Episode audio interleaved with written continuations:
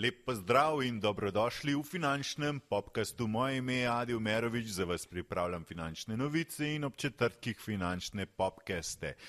Danes je z mano v studiu gostja Neža Mok. Lep pozdrav, Neža. Živijo, Adi, me veseli, da sem spet tukaj. spet tukaj, ja. Uh, so že enkrat probala, pa so imela tehnične napake, zaradi tega spet tukaj. no, pa tudi, no, sej smo se prvič srečala že par let nazaj, tako, tako da se že tako. nekaj časa poznava. Zato sem te tudi povabil, Neža, danes, ker si pravzaprav. Uh, imela zelo osebno zgodbo, kako si začela investirati, uh, kako si pravzaprav iz nič ustvarila veliko in postala pravzaprav mednarodno uh, zanimiva kot vlagateljica, investitorka. Uh, izhajava pa v bistvu iz tega, da si zelo uh, top copy trader pri e-toru. Ja, Se pravi, uh, ljudje te ko, lahko kopirajo, pravzaprav uh, ti s tem nimaš nič, uh, oni sami svoje naložbe nekako zrcalijo in vežejo na tvoje. Ne? Ja, to si lepo si to povzel. V bistvu ja, na e-toru um, imam svoj portfelj, kjer investiram svoj denar in potem v bistvu vse je transparentno. Vsi lahko vidijo moj portfelj, moje rezultate pretekle, vse moje pretekle odločitve, tudi delim, zakaj se kako odločam. In na podlagi tega se lahko drugi uporabniki platforme odločijo za to, da ali kopirajo moj portfelj oziroma mm. ne, kakorkoli.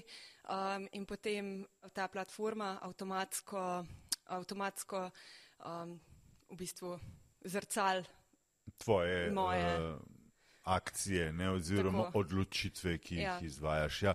Um, zdaj, ponovadi so ljudje, uh, ki imajo CFA, MBA, karkoli, neki, zelo uh, ne, na drugi strani, ki upravljajo portfelje in tako naprej. Pri tebi je zanimivo, ker si pravzaprav to začela delati še kot študentka. Uh, in v bistvu si sama samouk nekako, ne, si se uh, sama učila tega, ne, ni, ni te noben pravzaprav uh, prisilil v to, sama si nekako pogruntala, da je to pomembna stvar v življenju, čeprav si čisto iz drugega sektorja. Ne? Ja, drži. No. Jaz sem tukaj čisto iz sebe izhajala. Jaz sem se začela zanimati in za finance in za investiranje, ker sem bila tako v začetku študentskih let in me je začel zanimati, kako jaz zdaj lahko naredim kaj s svojim denarjem na dolgi rok, mm kaj lahko pričakujem, kakšne so moje opcije. In sem iz tega čisto začela raziskovati kaj lahko naredim. In začela sem več brati, vsak enkrat začne na začetku, mm -hmm. tudi jaz sem začela, čist na začetku, tudi Warren Buffett je začel enkrat iz nule. Ja, um, in iz tega sem potem začela pač investirati in sem se našla v tej svoji strategiji. Um, sem pa, študirala si pa kaj? Takrat? Študirala sem pa biotehnologijo. V bistvu sem zaključila študij lan novembra, mm -hmm. uh, sem magistrirala iz biotehnologije, zdaj sem se pa v bistvu bolj čist na to fokusirala, na finance in na vodenje svojega ja. portfelja.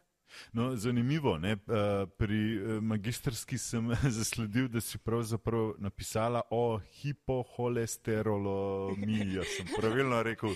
Hipoholesterolemija. Ja, ja, tako, ja v bistvu sem... Nekaj s holesterolom, tako. oziroma v povezavi z. Ja, raziskvala sem genetsko vzadje otrok, ki imajo izmerjen nižji holesterol mm -hmm. in iskala neke genetske vzroke za to. In me tudi to področje zelo zanima.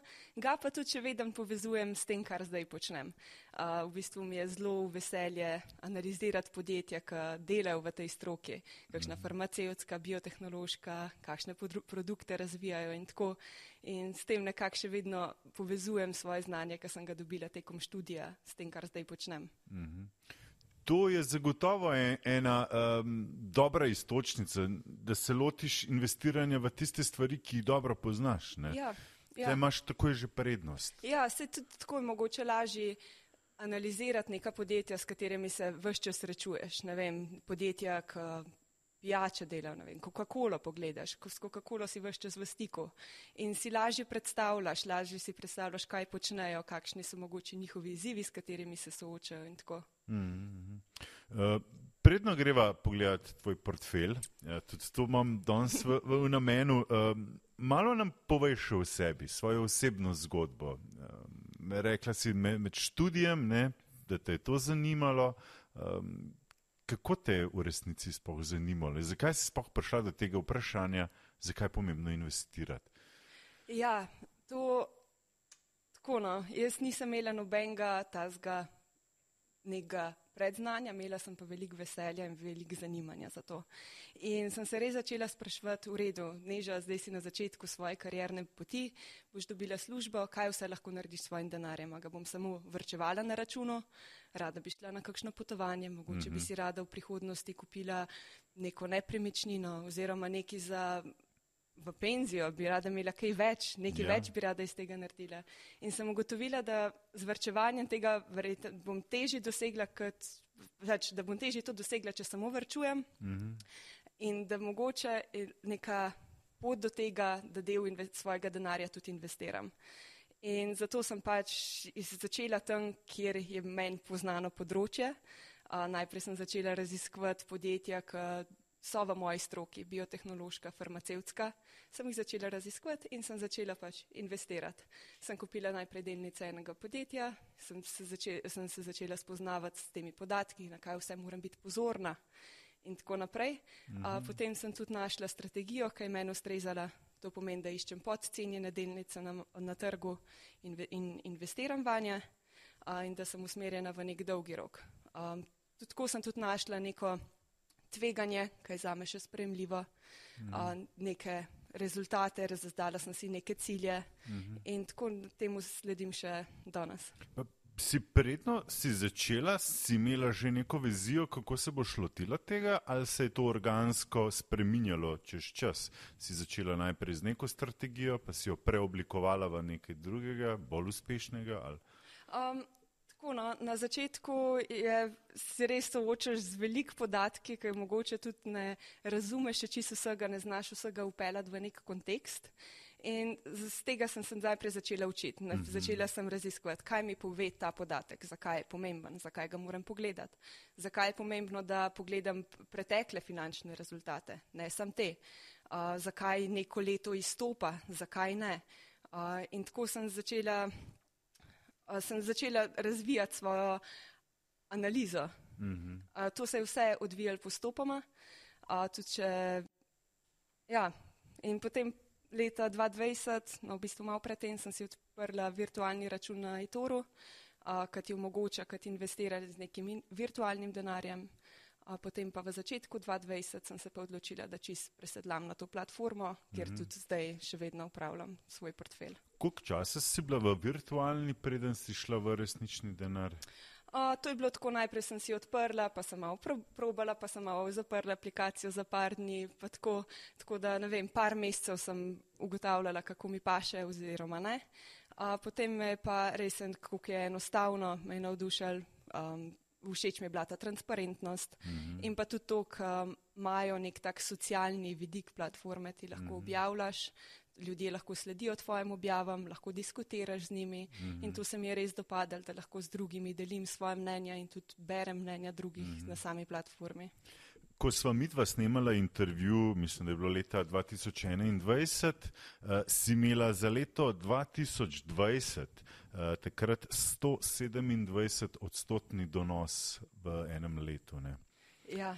To uh, se sliši kar tako impresivna številka. Ne? Ja, glede na to, da imamo mi portfelj zdaj že skoraj pol leta, pa da smo 5 odstotkov naredili, um, Ja, se mi ta številka zdi, se, sicer jo bova dala v kontekst. To je, zdaj, ne, kontekst je vedno pomemben. Kontekst je pomemben, samo vršiti neko številko je čist v resnici brez veze, če ni konteksta od zadaj. Ampak vseeno, to je bila neka številka, ki je tudi tebe porinila med zvezde, svetovne zvezde, uh, tudi na e-toru, med top. Uh, kop, ja. kopi investorji si postala. Ne? Ja, zdaj me res kuješ v zvezde. Ja, um, Poznali se je to pač, bila je um, pandemija, kot vsi vemo, leta 2020. Marketi so se marca sesuli, je Tako. bilo vse v rdečih številkah, potem pa je bilo tudi veliko puša denarja v markete mm -hmm. in to se je poznal na donosih. Um, mm -hmm. Imela sem tudi mogoče več takih growth podjetij v portfelju, kar je tudi naredilo razliko. Um, je pa to številko treba postaviti v kontekst. Ni noben pretekli donos zagotovilo za prihodnje in tudi, če se pogleda moje številke v prihodnih letih, niso tako kot mm. v letu 2020. Ta, res je bilo ekstremno okolje, kamorkoli si dal takrat denar, uh, obresti so bile nula, pravzaprav ne, delnice so pa šopale gor in kripto in surovine. Prav mislim, da ni bilo sploh eseta, ki, ki ni šel gor ne, takrat v, v ja, obdobju. Ja, tisti je bilo res izjemno. Sam potem smo se pa začeli soočati tudi s težavami v naslednjih letih. Uh, ne vem, če izpostavim leto 2022. Tako, Inflacija, rast obrestnih mer. Takrat je trg padel nekje za dobrih 20 odstotkov.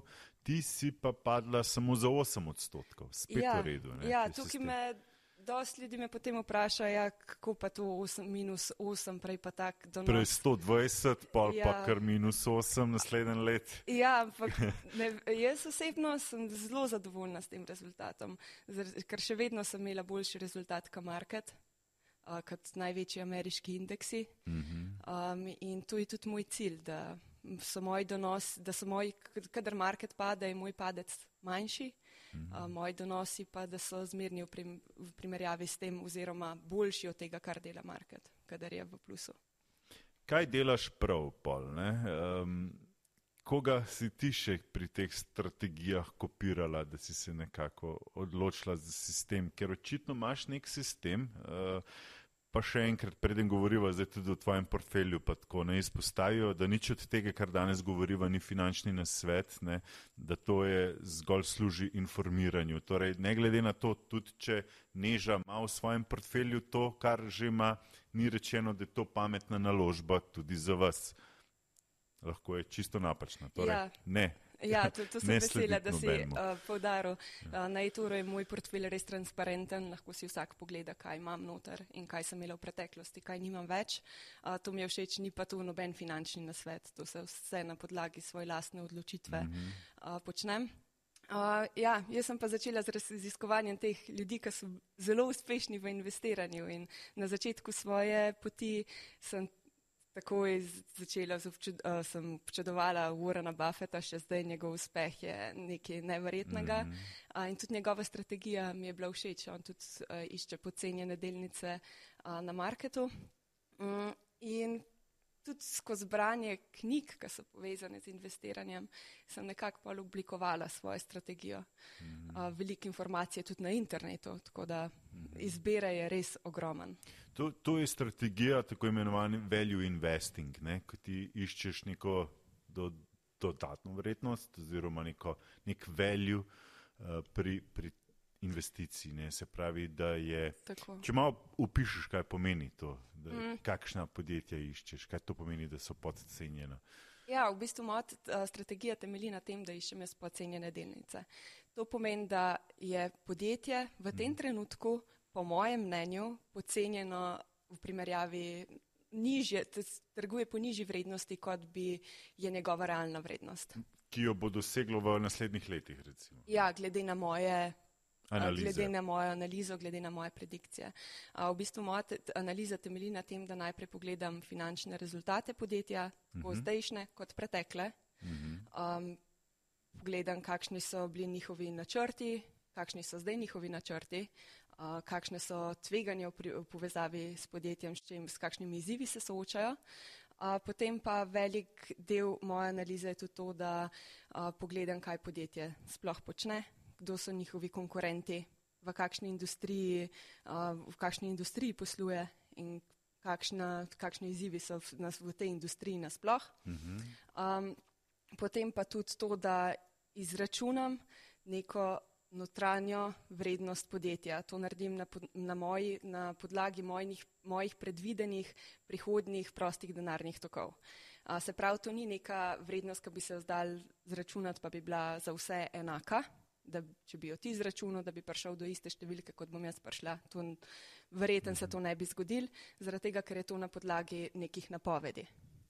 In na, podla na podlagi tega se odločam tako za nakupe, kot za prodaje. Ko, mi, ko je po mojem mnenju delnica podcenjena, pa naredim še tudi vso predhodno analizo, sem lahko odločen za nakup. Ko je pa precenjena, se pravi, je, je cena delnice višja, kot je moja ocenjena notranja vrednost, se pa odločam za prodajo, mhm. če je ta delnica v mojem portfelju. Uporabljaš še kakšne konkretne indikatorje? Uh, ja, indikatorjev je zdaj veliko. No. Uh, jaz bi že, še preden jih opišem, bi rekla to, da ne moreš se nobe, na nobenega specifično osredotočati, da tudi to je treba gledati v kontekstu, da nobena številka ti Ni ne poda. Holy grail, ne? Ja, nobena ti ne poda neke, to je pa to zdaj, to je pa zdaj pa to odlično. Kupaš ali prodaš. Ja, Tako. to ne obstaja To ni. ta indikator. Ja. Um, ja, gledam uh, tako, taka osnovna je. Uh, pi razmerje, ne? Mhm, Med ceno in dobičkom. Uh, tako.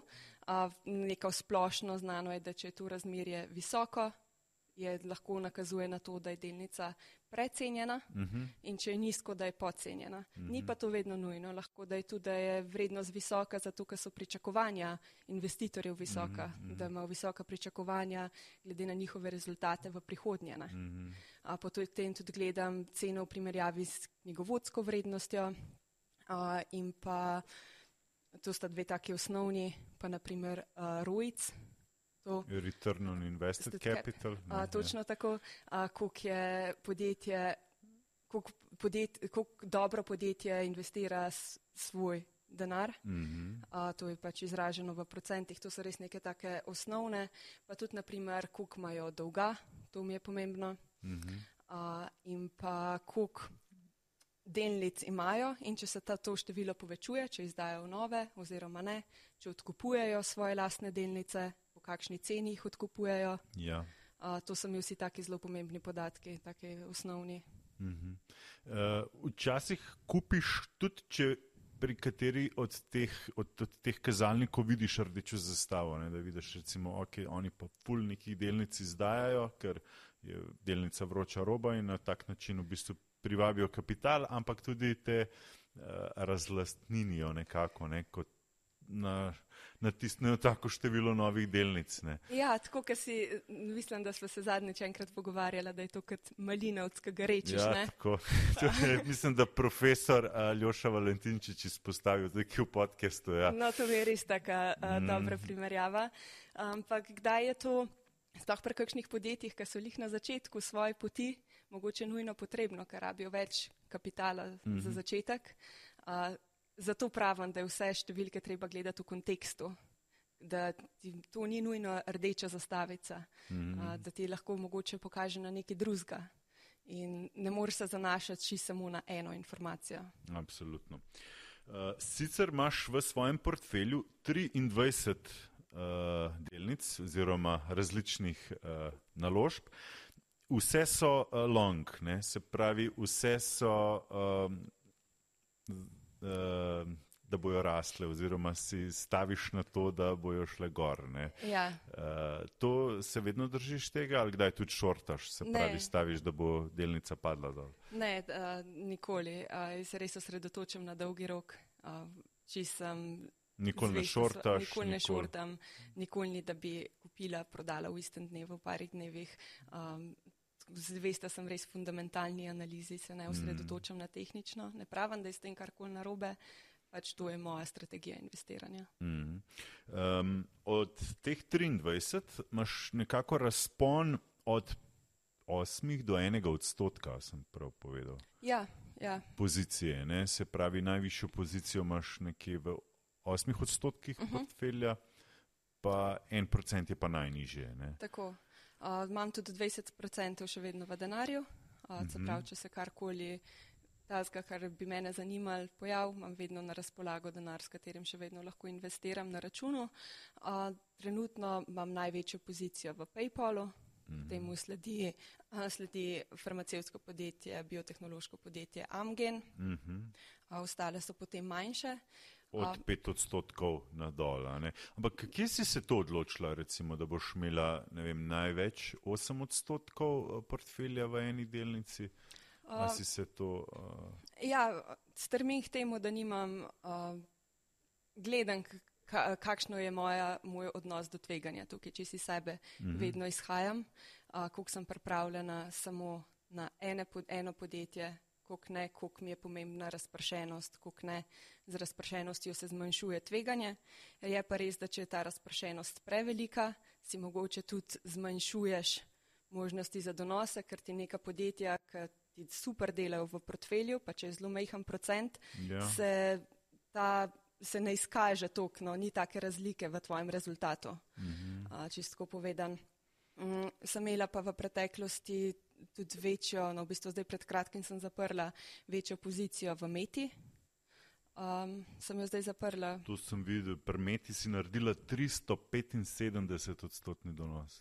Ja, Meto sem res kupovala takrat, ko je bila dost na najnižjih uh, vrednostih. vrednostih. Mm -hmm. To je bilo tam Še nedolg nazaj. Nedolg ja. nazaj, sploh nedolg nazaj. Sam sentiment takrat glede mete je bil res slab. Je bil res slab, ja. Vsi smo mislili, da Mark Zuckerberg je zmešan, da je uničil ja, da... vse, Facebook bo propadel, noben ni več gora, samo še crazy people. Uh, ja, potem pa. je bila pa razsančena vzgor in tudi zdaj, potem, ko so objavili rezultate, je skočil v enem dnevu za 20%. Ja, uh, točno, zdaj so še objavili, da bojo dividendo, dividendo izplačevali. Mhm. Uh, tako da sem jo res skupala takrat, ko nisem, nisem lovila dna tega, mm -hmm. ne počnem, ko je bila po mojem mnenju podcenjena, sem jo začela kupovati in potem tudi, če je še padala, sem dokupovala.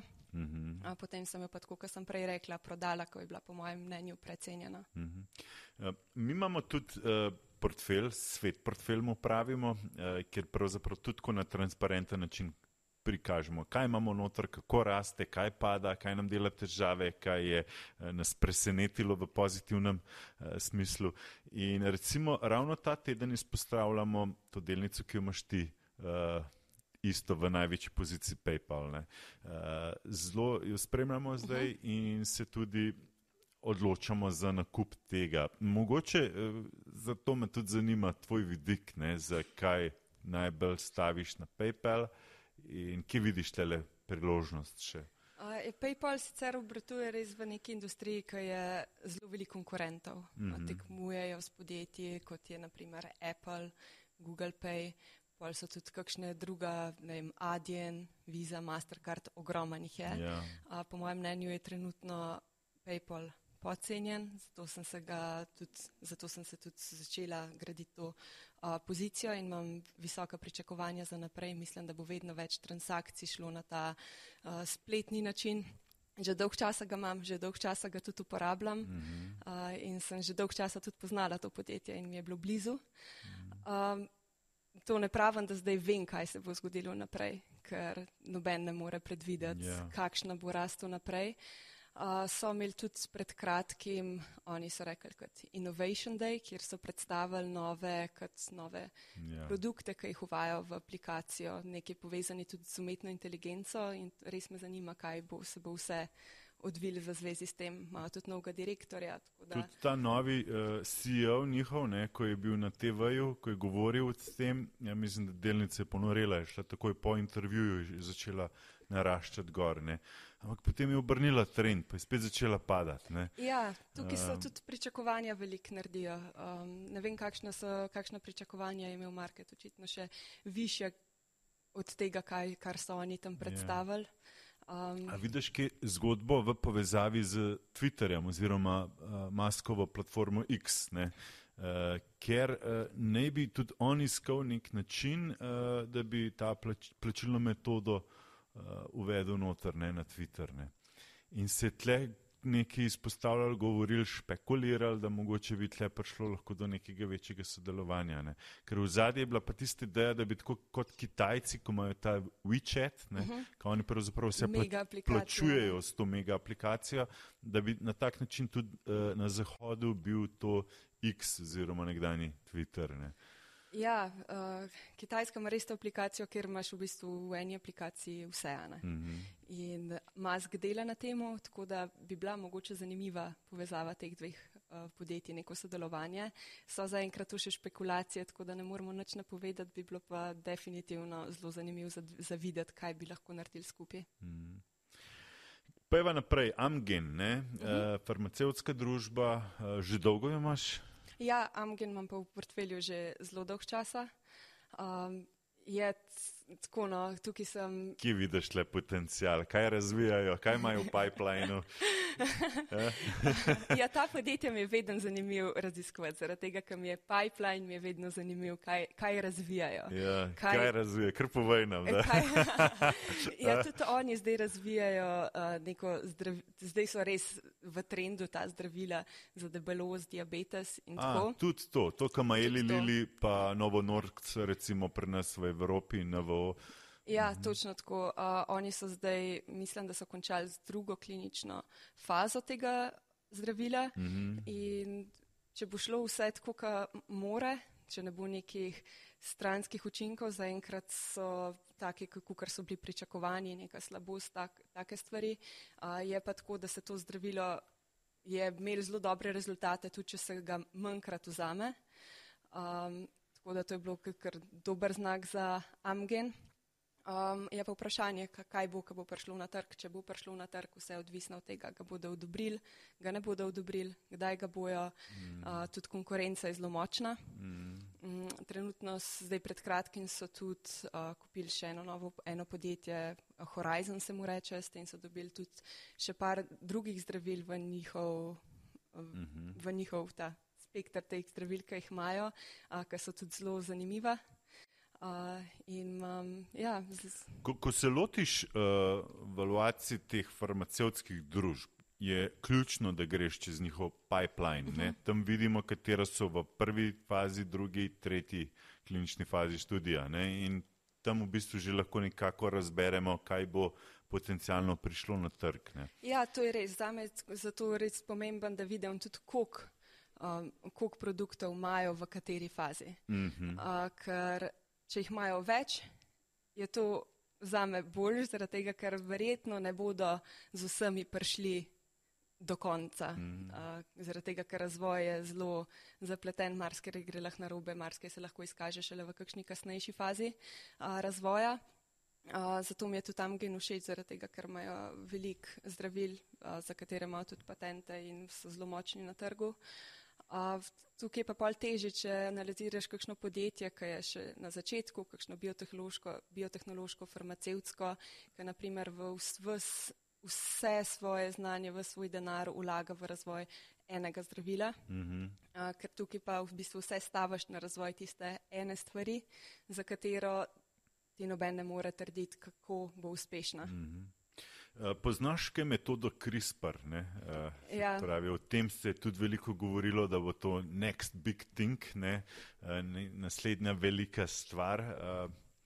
Skratka, gre za to, da ti bojo lahko genetsko, pravzaprav um, z genetskim inženiringom, ali kako se to pravilno reče, lahko kar popravi. Ja, tudi genetsko zdravljenje. Se to je en tak zelo velik preboj v ja. znanosti. Ja. Uh, in me zanima, kam, kam bo vse to šlo, kako daleč lahko pridemo. Tukaj vidim zelo veliko potencijala. Ja. Uh, se ti zdi, uh, da je pametno že zdaj iskati morda firme, ki so začele se s tem ukvarjati, uh, ja. ki že ponujajo raziskave na tem področju, ali je to prezgodi bolj počakati še par let, da se to dejansko pride med večje farmacevtske družbe? Ja, to je zanimiv tudi, če je na samem začetku, po mojem mnenju, na kjerikoli fazi. Fajn je spremljati, mogoče tudi, če se ne odločiš zdaj le za investiranje, da vsaj vidiš, kako poteka razvoj, kam strmi industrija. Uh -huh. um, spremljaš in vedno vidiš, na čem si, pa se potem mogoče odločiš za nakup. Uh -huh. um, ja, je pa zmeraj treba biti previden. Jaz sem imel recimo izkušnjo konkretno z Biogen, uh mhm. -huh. tam se spomnimo, oni so imeli razvilo za Alzheimerja. In uh, ko je prišlo vem, v tretjo fazo to zdravilo, ali pa celo, ko je bila zaključena tretja faza, delnica, se spomnim, tisti dan 40 odstotkov poletela gor zelo sem bil happy.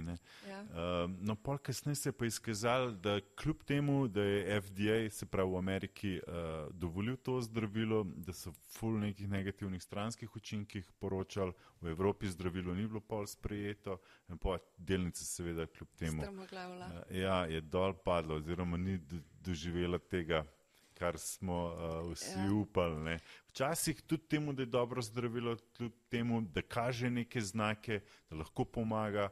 Uh, Ja, lahko, lahko so spet kas, neki izzivi še zraven. Lahko še, ja. šele kasneje izkaže, šele kasneje, ja. kakšni, ja. kakšni problemi, kakšni, da je treba še karkoli spremeniti. Skratka, ni zagotovila, to hočem reči. Tudi če ni. v pipelinu mogoče že je napovedano neko zdravilo, dokler to ja, par let ni, na trgu in ne se ne pokaže kot res uh, izjemno ja. učinkovito, nekako ni. Ne. Uh, ja. Dobro, greva naprej. Kaj imaš to SLV noter, oddaj šersov, ne? to imaš od BlackRocka neki. Ja, to je pa uh, srebro. Srebro imaš noter ja. in to je kaj tretja tvoja največja pozicija je srebro. Ja, trenutno je. Uh, prej sem imela pač mete, bila med ta večjimi. Okay. V bistvu Ampak tle si šla tehnično gledati srebro ali si na podlagi fundamenta ali kako si se srebro? Ne, imam tudi naprimer med podjetji, ki jih imam, imam tudi Goldberg, ki se uh mhm. -huh. ukvarja z rudarjenjem zlata. Uh mhm. -huh. Mm. No, se to. Nisi šla konkretno kupiti zlato, ne? ampak si šla v bistvu iskati podjetje, ki se ukvarja s tem. Tukaj ki se ukvarja s tem. Ja. Gleda, tukaj so pa tudi druga tveganja, kako to podjetje samo posluje. Nisem vezano na ceno zlata, uh -huh. uh, kje ima naprimer vse svoje rudnike zlata. Ja. Uh, ka, vse poslovanje podjetja, ni vse samo vezano pač na ceno zlata. Uh mhm. -huh. Tukaj imam pa uh, SLV, je pa ETF uh, za srebro. Um, in srebro mi je pa tudi taka zanimiva uh, kovina, ni samo, ni samo v, tako kot zlato, ki ima manj uporabe, industrijske uporabe. Uh, srebro je res uporabno tudi v industriji in mi je tudi tako zanimiva. Uh, in imam pač obe nekako v povezavi, obe uh, in zlato in srebro imam tudi nek, pač nekako v portfelju skozi te mhm. dve pozicije. Pa Rio Tinto sem videl, da imaš tudi, uh, ja. so pa v bistvu bolj na, na uh, rudo ne, uh, vezane. Ne. Drži. To je pa v bistvu spet uh, kot premogovnik, ne en velik oziroma črpališče, ne, spet Ja, spet surovine. Ja, portfelj imam res razgiban, lahko se noter najde v tehnoloških podjetjih, uh, tako kot si zdaj le omenil, RIO, pa BHP, ki se ukvarjata mm -hmm. z rudarjenjem, potem imam zlato, srebro, uh, farmacevtsko podjetje, kot Amgen, pa imam tudi kakšna taka, ki imajo osnovne stvari, naprimer imam tudi Coca-Cola v portfelju. Heineken, Heineken imam v portfelju, drži. Heineken ne poznam toliko dobro. Je, uh... Kaj te je prepričal pri Heinekenu? Ja, Heineken mi je bilo, sem ga nekaj časa spremljala, preden sem se odločila ja. za nakup. Imajo tudi, so prisotni po celem svetu, uh, nek tak brand je zelo močan. -hmm. uh, takrat, ko sem kupila, je bila po mojem mnenju podcenjena, podjetje dobro posluje. Uh, kot veste, so prisotni tudi v Sloveniji. Mm -hmm. um, in potem, ko sem jih nekaj časa spremljala, sem se pač odločila za nakup in všeč mi je, kako so pač po celem svetu, a, ni samo Heineken, Heineken, je pod njimi veliko različnih znamk, ki jih imajo. Mm -hmm. uh, ok, Adidas recimo sem videl noter tudi. Ja, Adidas imam tudi že kar nekaj časa. Um, Adidas mi je tudi taka zanimiva, ker je tako res splošno poznana znamka po celem svetu. Vsak, ki mu rečeš Adidas, bo vedel, zakaj se gre. Ja. Ker ja. je ime Adi noter. Ne? ja, seveda, točno zato. Točno zato. uh, kaj imaš pa HDV, tudi dodaj šersov? Ja, to? to je tudi ETF, um, ja. dodaj šersov, kjer so pa tako razvita ameriška podjetja noter, večja, uh, ki izplačujejo dividende. Aha, dividendni ETF je to. Ja, ja, tako noter, ne vem, Exxon Mobil je taka ena izmed večjih. Se pravi, so družbe noter, ki imajo nadpoprečno visoke dividende. Ja taka, ja, taka stabilna, razvita ameriška podjetja. Zakaj si se to odločila dodati v portfelj? Ta ETF imam že kar nekaj časa. Uh, Prenese mi neke diversifikacije v mojem portfelju. Uh, v bistvu je temelji na ameriški ekonomiji um, in je bila taka zanimiva, zanimiv dodatek mojemu portfelju. Maš, se pravi, ampak te ETF-i so nekje po 4-5 odstotkov noter, ne? niso, nimajo večjih pozicij kot recimo Amgen ali pa konkretne delnice. Ne? Kaj ti je ljubše, tako imenovani ta stock picking, da iščeš posamezno delnico ali rajši ETF? Ja, meni osebno je ljubši stock picking, drugače bi lahko dala vse v, vse v nek idejo, mhm. dobila veliko razpršenost. Uh, stock pickingom se pa res osredotočam na to svojo analizo, gledam, kaj je meni ustreza, kaj vidim nek potencial v samem podjetju um, in sem ga pripravljena držati dlje časa. Uh, tako da, ja, stock picking je za me nekaj, kar mi je tudi v veselje. Um, ja, domestic group, tudi take firme imaš, ki recimo so manj znane. Ne, ja, domestic se... se ukvarja tako z, ne vem, z izdelavo kakšnih teh stvari za avtodome, za ladje, take stvari, ki je manj poznano mogoče ljudem, je tudi evropsko podjetje. Ja. Uh, niso vsa neka taka zveneča imena, kot je bila uh, Meta ali pa Microsoft, niti ja, nisem ja. velikih sedem noter. Kako jih pol iščeš? Ne vem, imaš tako kje nabore, uh, greš vem, na TradingView, ki je lahko tudi brezplačen do 30 uh, delnic, ne? oziroma kako, kje jih iščeš, kako, kako delaš to analizo? Na začetku, ko sem jih iskala, da ne bo mogoče kdo, ki se jih kar loteva, bo preveč informacij naenkrat, sem res izhajala iz tega, s katerimi znankami se srečujem vsakodnevno. Ja. Uh, in sem najprej začela s temi z raziskovanjem teh podjetij. Uh, Podpol sem pa tako, kar si rekel, uh, trading view, pa razne, razne take, sem uporabljala razne filtre pri iskanju, uh -huh. uh, kjer sem najdla mogoče kakšne zanimive stvari, sem jih poanalizirala. Uh, mogoče niti ne dodala takoj v svoj portfelj, ampak jih spremljala nekaj časa, so mi bila zanimiva in s tem sem kot širila svoje znanje tako v analizi, kot tudi v poznavanju, kaj mi je vse na voljo, pa kaj ja. mi je tako zanimivo za spremljati in sem pa čisti iz tega izhajala. Um, če gledava recimo za naprej, imaš uh -huh. ogledanih več kdaj iščeš primerne trenutke za vstop? Ja, za me je zelo pomembna ta sezona, ki iz, izdajo finančne rezultate. Okay. To je bilo lih zdaj, še vedno ja. je, danes smo se jih prej pogovarjali, še Nvidia poroča, bo zelo zanimiv dan. Um, in takrat, ko, to, uh, ko objavijo te finančne rezultate, jih vedno pregledam tudi od podjetij, ki jih imam v svojem portfelju in od teh, ki so mogoče na moji listi želja, na watch listi, ja. ki jih že nekaj časa spremljam in pogledam, kako so poslovala zdaj v tem četrtletju, ki je mimo to leto, to polletje in pa tudi kakšni so njihovi napovedi za naprej. Mhm. In na podlagi tega si nekako bolj oblikujem mnenje um, in se mogoče tudi odločam za, za nakup oziroma za prodajo kakšnega, ki ga imam v svojem portfelju. Oziroma za nakup se odločiš, če bi prišlo do morebitne korekcije če pride do korekcije, ampak ne vem, so rezultati še vedno dobri. Če, izka, če ne vem, podja, podjetje objav rezultate, ki mi niso v redu, ki se izkaže, da imajo veliki izzivov pred sabo, neko tveganje, ki ga jaz nisem pripravljena sprejeti, uh mhm. -huh. potem seveda ne, ne. Če pa neka korekcija, ampak so mi rezultati še vedno všeč, všeč mhm. spremljivi, uh -huh. potem pa ja. Gledaš pa v bistvu pri tem, da glede na rezultate naraščajo in prihodki in dobiček in denarni tok, vse to, kar si prej ja, omenila tudi. Ne.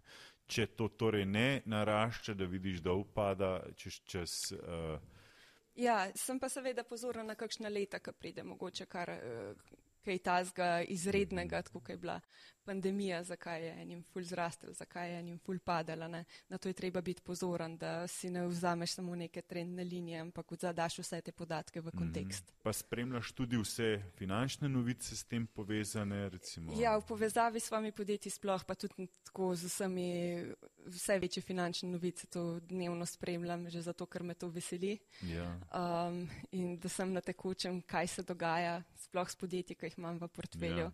ali pa s temi, ki se mi zdijo zanimiva. Uh, in mi je to res ena taka pomembna stvar, da odprem, da odprem vse finančne novice, vidim, kaj se dogaja. No, no, do, danes pravzaprav niti ni treba več odpirati časopisov in to brati potem, ne pravzaprav odpreš uh, razno, la, uh, razno razni social media content vsebine in vidiš ogromno pravzaprav in resnih analitikov in bolj nahec analitike in uh, dobiš lahko eno krasno mnenje, ne pravzaprav nek filter že čez vse možne zanimive naložbe. Ne? Ja, na, tudi na socialnih omrežjih ima zdaj povsotane. Posod. Ti si tudi aktivna na Instagramu, sem videl, ja, ne? in ja. objavljaš tudi tako kot neke uh, napotke, kako se lotiti neke fundamentalne analize.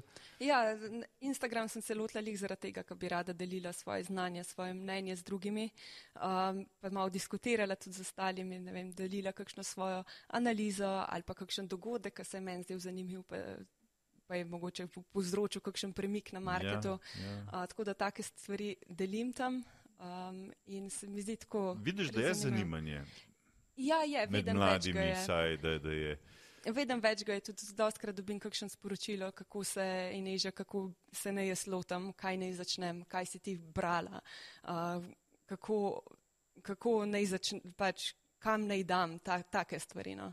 Uh, vidim, da je veliko zanimanja, da so ljudje zelo željni znanja, uh, ampak ja, informacije zdaj na srečo veliko, je pa težko prefiltrirati, kje so ti koristne, pa kje ne, ne. Na internetu lahko najdeš vse mogoče in je res težko zbrati, sploh na začetku, tiste, ki bi bile te najbolj koristne. Mm. Um moraš biti zelo previden, ja, ker lahko ja. v bistvu najslabše, v bistvu, če se odločiš in investiraš na podlagi ne to, ne, nekoga drugega, ne, kaj on rekel, kaj on misli. Ne. To ja. je, je napačno. Ne. To, kar se objavljajo na Twitterju, sploh veliko teh raznih mnen, svetovno znanje analitiki. Ja. Ali pa nekdo čiska se s tem v svojem prostem času ukvarja, delijo svoje mnenja, ampak jaz ful rada pogledam ta mnenja. Mm. Sploh takrat, kadar sem v nasprotju z mojim, mm. zaradi tega, da vidim, ok, ja, to mogoče drži, zakaj pa jaz mislim, da je to še vedno mm. zanimiv, zanimiva delnica oziroma zakaj ni. Um, je tukaj res pomemben, da si ti oblikuješ neko svoje mnenje na podlagi svoje lastne analize, ne pa da ti sam slediš nekomu, ki je nekaj objavil. Mm -hmm.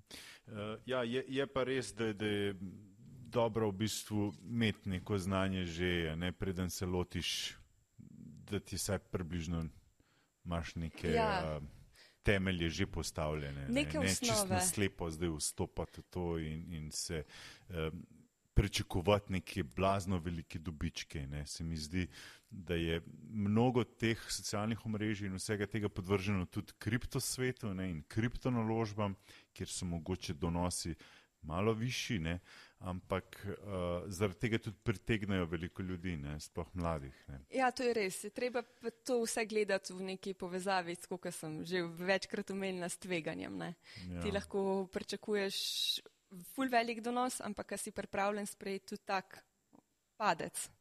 Ker z vsako investicijo pride neko tveganje zraven. Uh, in zdaj se moraš pa ti sam osebno vprašati, do kakšne mere si ga pripravljen sprejeti. Mm tako imenovani ta risk reward. Ne, tako je. Ja. Ko jaz tvegam za to, kaj dobim. Noter, ja. uh, nisi pristaš kripta, ne, tako kot Warren Buffett, ne, kot Jamie Dimon, uh, prvi človek največji banki na svetu. Uh, ja, priznam, v mojem portfelju ni kriptovalut. Uh, Nekako, ko analiziram podjetje, lahko pogledam okay, na čem sluni, kaj vse imajo, lahko naredim neko fundamentalno analizo. Tega pri kriptu jaz enostavno ne vidim in, se, in ne vidim tega in tudi zato nimam nobenega, nobene pozicije v nobeni kriptovaluti. Uh, ja, ni pa spet Med mladimi ravno kripto tista stvar, ki je najbolj zanimiva. Ja, ne? je, itak da je zanimiva. Slišiš vse, slišiš se veliko teh zgodb, kaj je nekomu uspel, kaj je dal enkrat mm. neki v kripto in koliko veliko ima zdaj, ne? in se pričakuje mogoče tudi kakšen tak bum še vnaprej. Uh, so pa to bolj izjeme kot pravilo.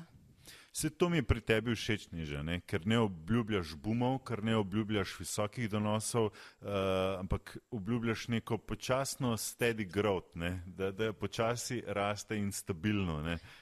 Ja, jaz investiram svoj denar. Zdaj sem začela s tem, da investiram zaradi svojih lastnih ciljev. Moj, mhm. uh, moj cilj je, da dosežem čim več tveganjem, ki sem ga pripravljena sprejeti z, z strategijo, ki jo imam, ki meni ustreza. Zdaj pa, če to ustreza še nekomu drugmu, lahko, lahko kopira moj portfelj, lahko ga ne, lahko se či sam odloč za to, nič pa ne obljubljam, kaj bo naprej delala bom po svojih najboljših močeh. Nekih obljub pa se ne da dati, ker noben ne ve, kaj, čist, kaj se bo zgodilo. Uh, tvoj nickname je Nežatron. Ja. od, od kje je to prišlo, Nežatron? To je prišlo čisto spontano, tako iz heca. Uh, tako več ljudi mi je že rekel, če iz kakšnega Marvelovega filma prišlo se tako malo sliš, ne za tron.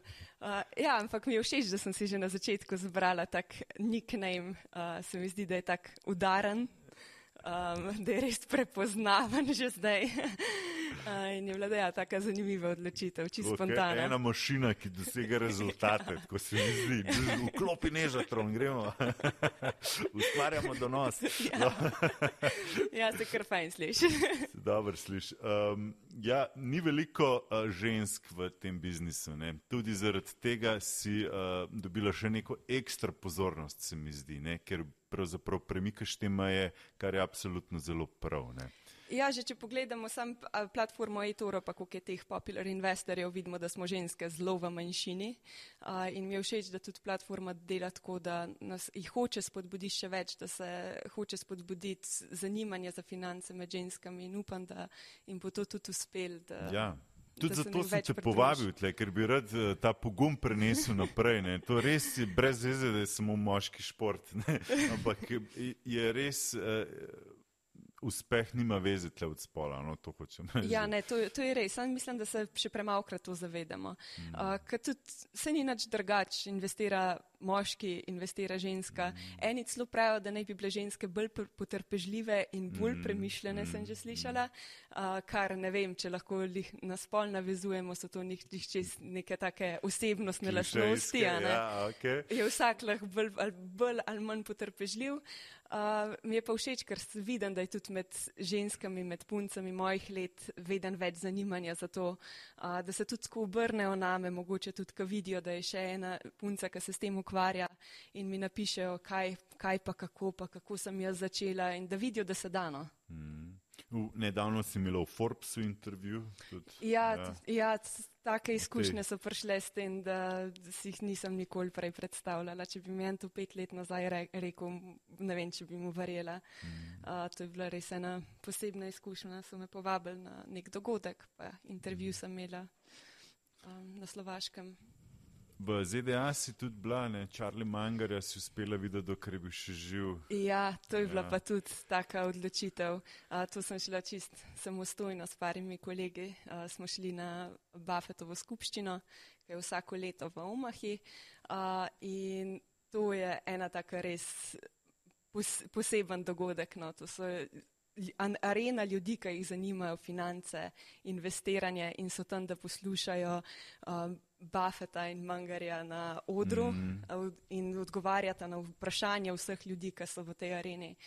In je res tako zanimivo vzdušje in sem vesela, da sem šla lani, ker je bila ta zadnja priložnost. Mm. Um, Glede na to, ko hodiš po svetu, vidiš, kakšna finančna pismenost je v ZDA, ne vem, Middle Eastu ali pa kje druge po Evropi, na Češkem, tako, kaj bi rekla, kje smo Slovenci?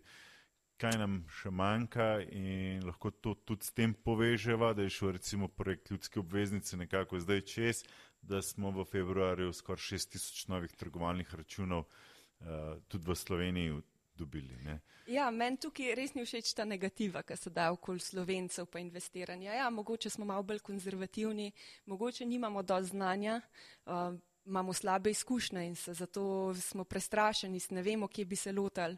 Ampak že ta ljudska obveznica ti pokaže, mm. da smo pripravljeni začeti, le koliko novih trgovalnih računov ste ja, odprli, yeah, yeah. le koliko je bilo zanimanja za to. Jaz sem bila kar pozitivno presenečena. Uh, Ja, nismo pa še tako daleč, kot so naprimer američani. Tam res vsak ve, zakaj se dogaja novice, so vse čas v povezavi ja. s podjetji, kako, kako je na borzi, take stvari. Mi mogoče še nismo tam, ampak smo pa na dobri poti. Ja. Mislim, če gledamo na zdaj slovenski kapitalski trg, ne, imamo devet firm noter v tem indeksu, recimo, če ga primerjamo z S&P 500, kjer je teh 500 največjih. Ne. Ampak nasploh se mi zdi med mladimi, ne, da jim so morda celo bližje znamke, ki jih vsakodnevno uporabljajo, kot pa morda celo naše domače slovenske družbe, ne, ki jih Tudi meni ja. osebno so, če sem iskrena. Ja. Uh, enostavno je ve, več podatkov, bolj si povezan z njimi. Tako, kot si prej rekel, koliko informacij dobiš že na socialnih omrežjih, na takih novicah na, od tujih medijev. Mm. Najdeš najprej mogoče sploh v teh velikih sedenkah, od katerih se zdaj le največ govori. Te to vidiš vsakodnevno ja. in se ti nekako bolj utrne v spomin. In potem, ko se enkrat lotiš investiranja, boš mogel verjeti najbrž tam začel. Ja, seveda. Ne.